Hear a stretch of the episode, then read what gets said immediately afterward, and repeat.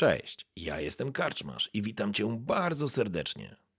Niezwykle miło mi Cię gościć w progach mojej karczmy. A teraz usiądź wygodnie, odpręż się i daj porwać się historii, którą mam do opowiedzenia. A jeśli spodoba Ci się to, co usłyszysz, zawsze możesz rozważyć wsparcie mnie za pomocą patronite.pl. Link znajdziesz w opisie. Życzę miłego słuchania. Oby nam się! Kroniki Valoranu. Kronika pierwsza. Cena neutralności. Rozdział czwarty. Gry wojenne. Noxus to największa potęga we wschodnim Valoran. Jedno z dwóch mocarstw pretendujących do tytułu Imperium. Na drugim biegunie znajduje się Demacja. Obie potęgi położone są naprzeciw siebie i pogrążone w odwiecznym konflikcie. W konflikcie, który nie ma końca nie wspominając już o początku, bo ten zaginął w pomroku dziejów. Demacja i Noxus toczyły wojnę od zawsze. Właściwie nikt nie pamięta, żeby kiedykolwiek było inaczej. Położenie oraz rozkład sił uniemożliwiały stronom uzyskanie znaczącej przewagi, stąd konflikt pomiędzy państwami pozostawał w wiecznym status quo. Rozpoczęcie wojny z innym państwem miastem wiązało się z ogromnym ryzykiem, albowiem przeciwnik nigdy nie zmarnowałby takiej okazji, żeby zaatakować odsłoniętego rywala w momencie, w którym ten toczy wojnę na innym froncie. Oczywiście zdarzały się momenty, gdy jedno z mocarstw przechylało szalę na swoją stronę. Jednak nigdy do tego stopnia, aby zaważyć na historii Valoran i pokonać odwiecznego wroga. Wszystko uległo zmianie, gdy pojawiła się Liga i Instytut Wojny. Oba mocarstwa do niej przystąpiły, gwarantując sobie bezpieczeństwo i uciekając od wyniszczającej wojny. Był to oczywiście zabieg polityczny, który dawał możliwość złapania oddechu i rozpoczęcia walki na innym niż militarnym polu.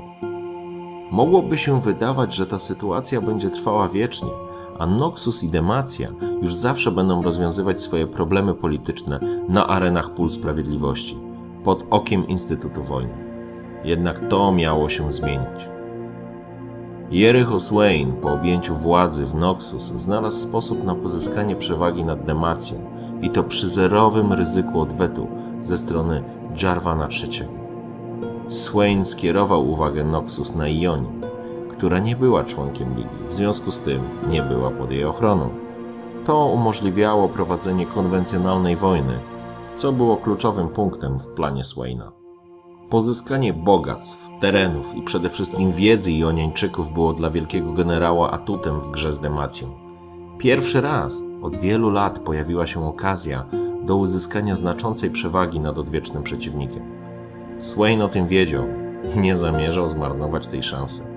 Zwłaszcza, że mógł liczyć na wsparcie jednej z najpotężniejszych istot w Valoran, członka Najwyższej Rady Sprawiedliwości, Cherubina. To porozumienie było jedną z najpilniej strzeżonych tajemnic i poza Swainem nikt o tym nie wiedział. Dzięki temu wielki taktyk mógł korzystać z wiedzy i informacji Cherubina. To było kluczowe podczas prowadzenia działań wojennych.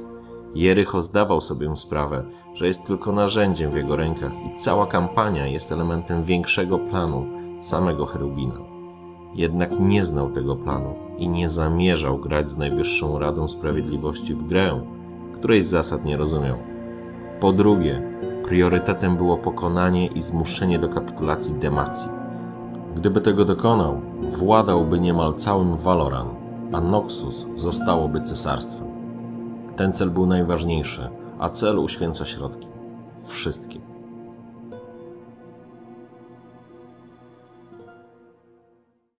Katarina czekała na wielkiego generała w sali odpraw.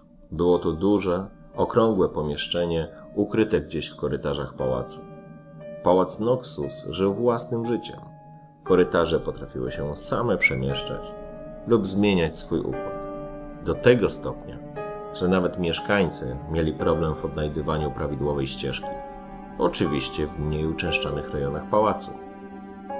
Sala była dobrze oświetlona przez kilkanaście magicznych kul, które lewitowały przy ścianach. Na środku znajdował się duży stół, na którym rozłożono pięknie wykonaną mapę Valor. Mapa była bardzo dokładna. i z pewnością wykonana przez artystę z magicznym potencjałem. Rzeki mieniły się kolorami i niemal płynęły po mapie. Góry sprawiały trójwymiarowe wrażenie, a figurki żołnierzy, które odwzorowywały pozycję wojsk, poruszały się, wymachując swoim orężem. Było zimno. Katarina czekała już ponad godzinę. Z pewnością Swain wiedział, że już przybyła i jest gotowa złożyć raport na temat działań, które odbywały się w Ionii. Jednak kazał jej czekać. Pytanie brzmiało: jak długo? Usłyszała go, zanim otworzyły się drzwi. Dźwięk idącego człowieka opierającego się o lasce był specyficzny. Nikt nie mógł go pomylić z niczym innym. Swain nie był sam. Było z nim przynajmniej czterech gwardzistów. Otworzono ciężkie, dwuskrzydłowe drzwi. Do stali weszło dwóch przybocznych i zajęło pozycję pod ścianą. Pozostała dwójka została przed drzwiami. Gwardziści byli ubrani w czarne stroje, ciężkie, matowe napierśniki, ozdobne naramienniki oraz czarne hełmy przyozdobione pióropuszami lub rogami były znakiem rozpoznawczym Czarnej Gwardii. Elitarnej jednostki, która była całkowicie lojalna i podległa wielkiemu taktykowi. Katarina poczuła się nieswojo. Gdyby to był zamach, z pewnością poradziłaby sobie z gwardzistami, ale w otwartej walce nie miała z nimi szans. Ich umiejętności były powszechnie znane i budziły respekt. Tymczasem w drzwiach pojawił się wielki generał Swain, naczelny dowódca państwa Noxus. Jericho był wysokim mężczyzną, ubranym w ciemną tunikę z widocznymi elementami pancerza, której raczej pełniły funkcję ozdobną niż obronną.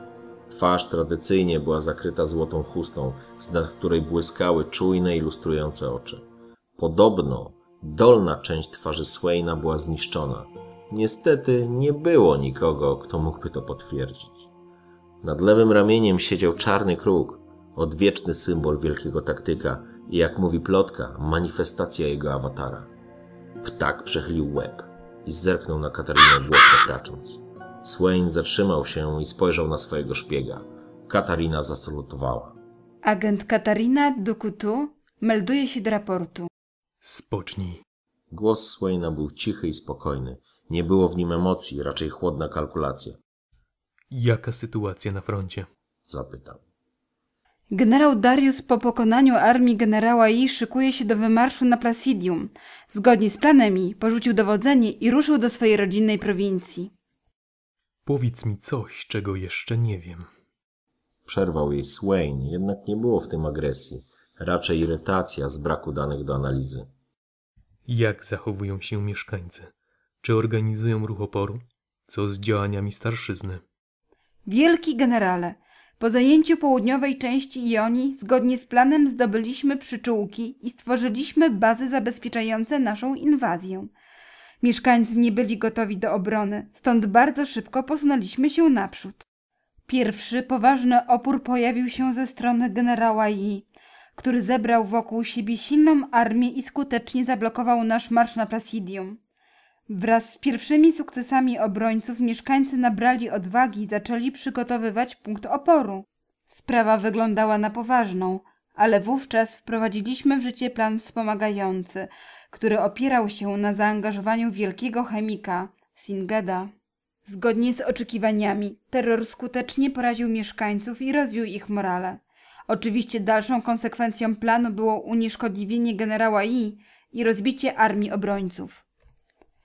Nie mam pełnych danych, ale udało mi się ustalić, że starszyzna nie chce wojny i będzie szukać rozwiązania konfliktu przez pertraktację. Jednak Swain słuchał jej, przyglądając się mapie Ionii. Spojrzał na Katarinę. Jednak co? Problemem będzie oświecona karma, która sprzeciwia się takiej polityce i upatruje szansy zakończenia wojny, przestawienie czoła naszej armii i pokonanie jej w bitwie. Jej działania powodują, że Ionia zaczyna się dzielić na tradycjonalistów, którzy są przeciwni wojnie i chcą paktować, oraz na odwetowców, którzy chcą walczyć. To było do przewidzenia. Ktoś musiał się sprzeciwić inwazji. Gdyby było inaczej, czułbym się rozczarowany. Podbijamy kraj kapłanów, mnichów i pacyfistów. ale nie możemy nie doceniać ich wiedzy i wieków doświadczeń nad poszukiwaniem oświecenia. Kto wie, do czego doszli. To jednak akademicka dyskusja. Niebawem dokładnie będziemy wiedzieć, na czym polegają sekrety Ioni. Miałaś jeszcze dwa zadania do wykonania. Podaj ich status. Swain nie odrywał wzroku od mapy. Mogłoby się wydawać, że ignoruje Katarinę lub prowokuje ją. W końcu była jednym z lepszych zabójców w tej części Valoran. Z pewnością dużo jej brakowało do umiejętności ojca, jednak odkrywanie pleców jej obecności było dowodem odwagi, pewności siebie lub głupoty. Katarina wiedziała, że to gra pozorów i Swine kolejny raz sprawdza jej lojalność. Te testy nigdy się nie skończą, a ona była przekonana, że nie zdążyłaby sięgnąć po sztylet, nawet jeśli miałaby tylko podłubać sobie nim w zębach. Świątynia Wyklętych znajduje się we wschodniej części wyspy nieopodal wsi Shoujin. Obszar pod kontrolą Ioni.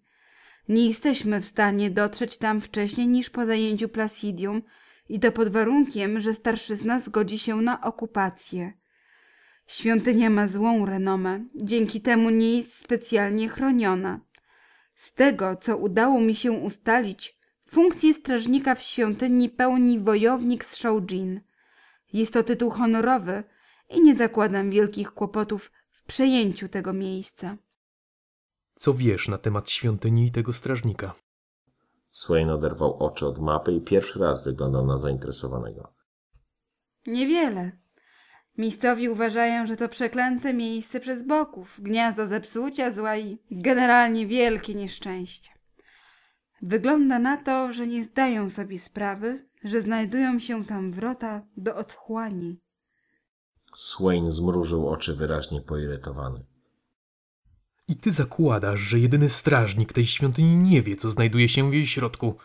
Nie przewidujesz kłopotów, bo uważasz, że wybrano do tego zadania pierwszego, lepszego wiejskiego idiotę. Kruk otworzył dziób i wrzasnął, łopocząc skrzydłami. Swain nie zdążył zadać kolejnego pytania. Ten strażnik nazywa się Varus. Katarina stała wyprostowana, klnąc w myślach na swoją głupotę. Swain przeszedł się po sali. Jego szaty szeleściły z każdym krokiem, a odgłos stukającej laski niósł się po pomieszczeniu. Nie będziemy czekać do zdobycia stolicy. Wyślemy specjalną grupę w głąb kraju w celu zabezpieczenia tego miejsca. W ramach wojsk inwazyjnych mamy tam bardzo obiecującego żołnierza, Riven. Nadszedł czas, w którym będzie mogła udowodnić swoją użyteczność. Druga kwestia. Nie znam dokładnego terminu zboru starszyzny, ale wiem, że przedstawiciel prowincji Kumak będzie podróżował do stolicy. Żeby nie przykuwać zbędnej uwagi, będzie to podróż incognito w asyście zaufanego ochroniarza. Swain przyglądał się w milczeniu, oczekując na kolejny błąd. Jednak Katarina uczyła się szybko. Jasło, niezwykle utalentowany szermierz, który podobno opanował technikę wiatru. Trudny przeciwnik, realne zagrożenie dla powodzenia akcji usunięcia przedstawiciela starszyzny. Jericho pogłaskał kruka. Grymas jego twarzy mógł być uśmiechem. Nie wiedziała tego. Jest wiele sposobów na pokonanie przeciwnika. Ostrze w wielu wypadkach jest ostatecznością, po które sięgają tylko desperaci lub krótkowzroczni dowódcy. Na dziś jednak wystarczy. Odpocznij. Za 24 godziny staw się na odprawie. Będę miał dla ciebie kolejne zadania. Naczelny dowódca Noxus ruszył do wyjścia. Dwaj gwardziści podążyli za nim jak cień. Zamknięto drzwi. Katarina pozostała sama, wiedząc, że kolejny element gry wojennej Swaina właśnie wskoczył na swoje miejsce.